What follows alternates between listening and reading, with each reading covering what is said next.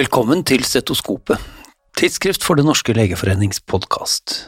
Hver annen uke med medisinske redaktører og helseaktuelle gjester i studio, og hver annen uke Redaktørens hjørne, der jeg, Are Brean, sjefredaktør i tidsskriftet, gir deg en høyst subjektiv gjennomgang av de nyeste forskningsartiklene, sakene og debattene i de største internasjonale generellmedisinske tidsskriftene. I dag starter vi med covid-19. Og ikke bare det, vi skal starte med begynnelsen av covid-19, nærmere bestemt bestrebelsene med å finne opprinnelsen til viruset. De bestrebelsene ser nå ut til å ha stoppet helt opp, mye på grunn av økt global politisk spenning. Dette er det tidsskriftet Nature som skriver. I januar 2021 reiste et internasjonalt team av eksperter utpekt av Verdens helseorganisasjon til Wuhan i Kina, der viruset som forårsaker covid-19 først ble oppdaget, som kjent. Og sammen med kinesiske forskere undersøkte teamet de ulike mulighetene for når og hvordan viruset kan ha oppstått. Teamet ga ut en rapport i mars samme år. De av lytterne som husker godt, vil huske at rapporten også ble referert her i Redaktørens hjørne. Til glede for de som ikke husker så godt, eventuelt til de lyttere som har tilkommet senere, kan jeg kort friske opp at rapporten skisserte fire mulige scenarioer, der det mest sannsynlige er at, er at eh, SARS-CoV-2 spredte seg fra flaggermus til mennesker, muligens gjennom en mellomart.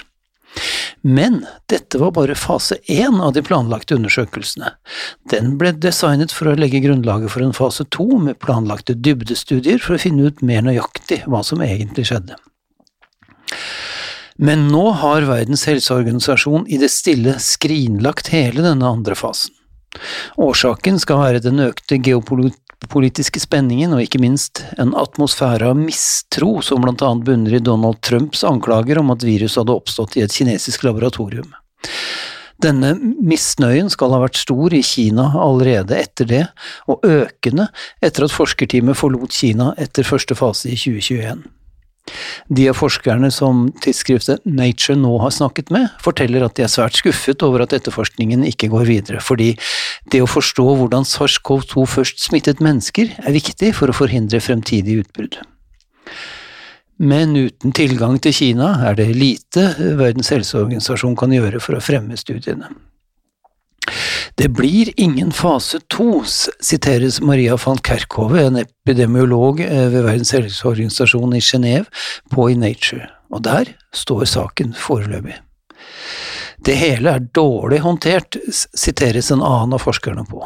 Dårlig håndtert av både det internasjonale samfunnet, av Kina og av WHO.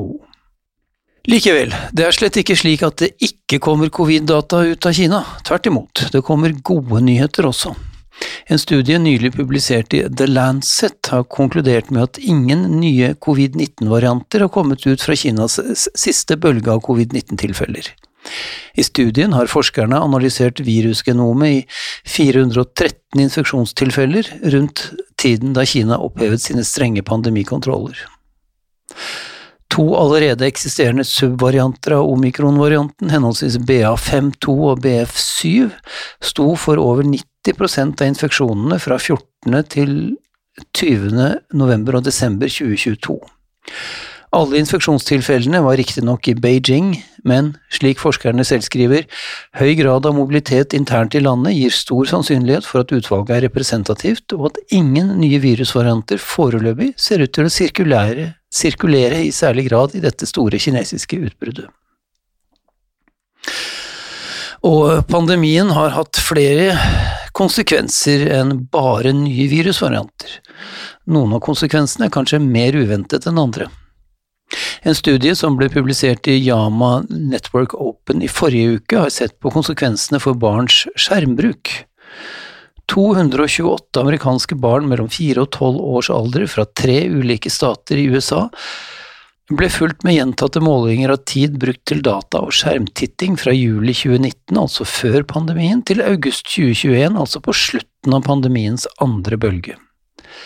Fra et gjennomsnitt på 3,9 timers daglig skjermtid før pandemien, økte skjermtiden med 1,75 timer under pandemiens første bølge, og med 1,11 timer ved avslutningen av pandemiens andre bølge. Disse funnene tyder altså på at skjermtiden blant barn økte under covid-19-pandemien, og ble forhøyet selv etter at mange av restriksjonene i samfunnet ble opphevet. De nye og dårlige skjermvanene ser altså ut til å ha satt seg hos barna. Den langsiktige sammenhengen må undersøkes nærmere, konkluderer forskerne selv. Flere konsekvenser av pandemien. Denne gang konsekvenser for dødelighet blant leger. En studie nylig publisert i Yama Internal Medicine har sammenlignet dødelighet blant amerikanske leger i perioden 2016 til februar 2020 med dødeligheten i perioden mars 2020 til desember 2021.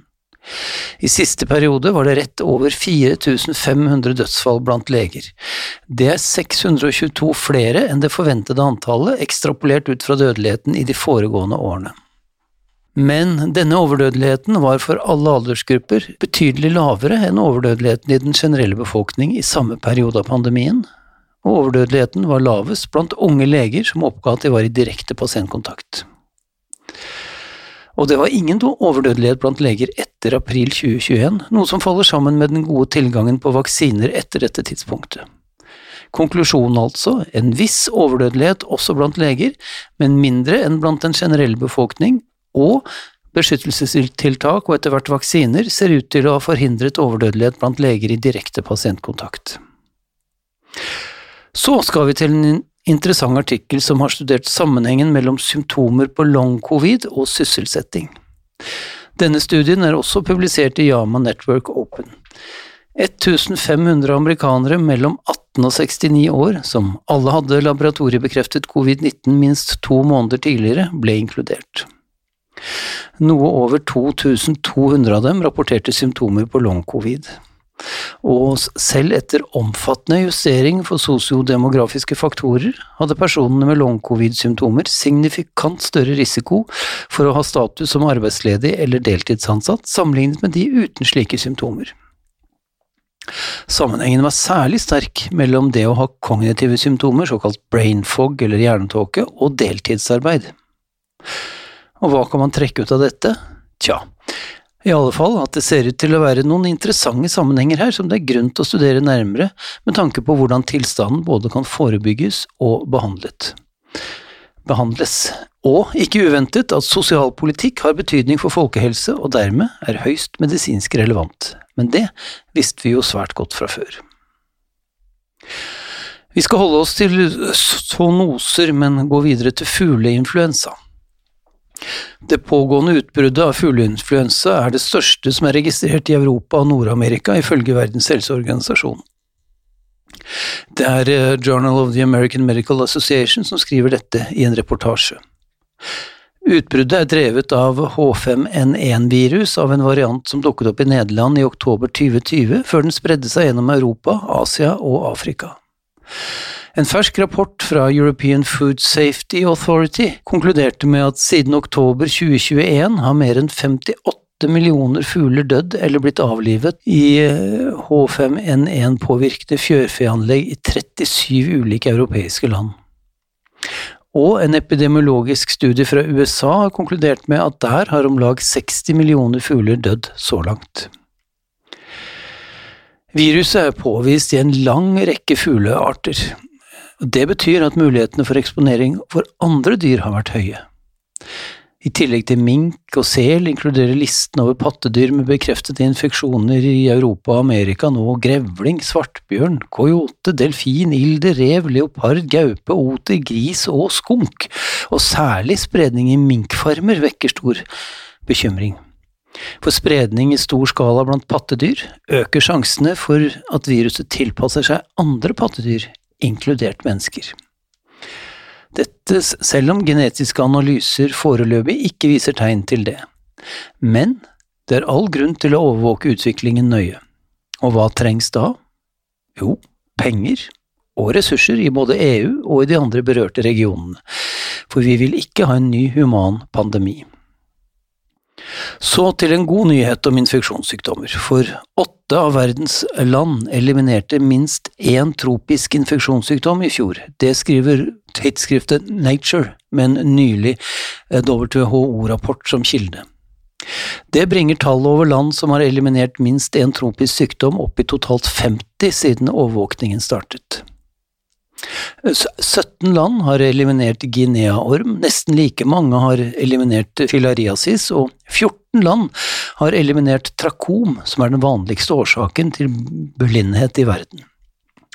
Programmer for massebehandling og fokus på generell hygiene, spesielt håndhygiene, fremholdes som de viktigste suksessfaktorene for eliminering av tropiske infeksjonssykdommer. Bare fra 2020 til 2021 falt tallet på nye tropiske infeksjonstilfeller med 80 millioner på kloden.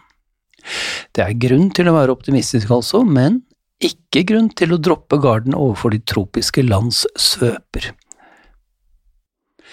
I den siste utgaven av New England Journal of Medicine foreligger det som i en korresponderende lederartikkel kalles svært etterlengtede tiårsresultater av den såkalte Prime 2 brystkreftstudien. Studien er publisert i samme utgave og viser at det å utelate strålebehandling ikke påvirker overlevelsen etter brystbevarende kirurgi hos kvinner over 65 år med østrogenreseptorpositiv brystkreft. Disse nye dataene gir svar på det langvarige problemet med overbehandling hos eldre kvinner med lavrisiko brystkreft, det vil altså si svulster som er mindre enn 3 cm i diameter. Utelatelse av strålebehandling gjør at pasienten kan unngå bivirkninger som brystsmerter, dermatitt og hjerte- og lungekomplikasjoner. Dataene fra studien beskrives som robuste. Over 1300 inkluderte og opererte kvinner mottok enten strålebehandling etter standardregime mot hele det aktuelle brystet, eller mottok det ikke, og ble deretter fulgt i ti år. Det var noe økt forekomst av lokalt residiv i gruppen som ikke fikk stråling, men ingen forskjell mellom gruppene i metastasering eller i overlevelse. Resultatene er viktige også fordi en betydelig andel av brystkrefttilfellene forekommer i nettopp denne aldersgruppen. Vi skal holde oss til gode nyheter fra store, robuste studier nylig publisert i New England Journal of Medicine. For nå foreligger resultatene fra to store studier som har sett på resultater etter trombektomi for store hjerneslag. Bakgrunnen er at endovaskulær trombektomi ved hjerneslag har vært en suksesshistorie. Ved mindre hjerneinfarkt som skyldes okklusjon av et stort proksimalt kar, og når trombektomien utføres innen 24 timer, gir rekanaliseringsrater på 70–80% og forbedrer klinisk utkomme for pasienten etter 90 dager. Trombektomi ved hjerneslag er faktisk etter hvert blitt en av de mest effektive behandlingene vi har i medisinen, med en number needed to treat for å forhindre funksjonshemming hos en pasient på bare 2,3. Men dette gjelder imidlertid ikke pasienter med store hjerneslag, som stort sett har blitt ekskludert fra kliniske studier av trombektomi. Bekymringene som har begrenset bruken i denne gruppen, er knyttet til risikoen for reperfusjonsskade i det nekrotiske hjernevevet, med tilhørende økt risiko for blødning, ødem og død. Det finnes bare én større studie av dette fra før. Den ble gjennomført i Japan og publisert i april i år.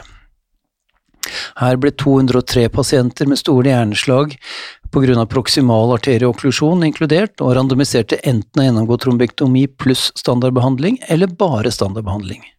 Trombektomi ga betydelig bedre klinisk utkommende, og overraskende nok var ikke frekvensen av symptomatiske blødninger høyere i trombektomigruppen.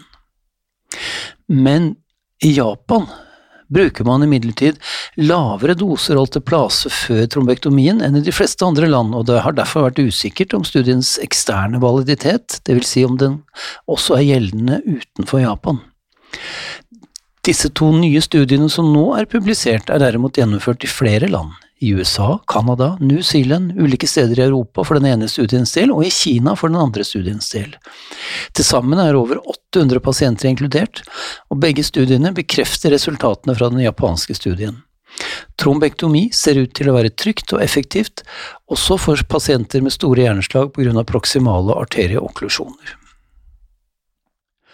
Så til tiltak for å minske klimaendringene og en interessant artikkel publisert i The Lancet 18. februar.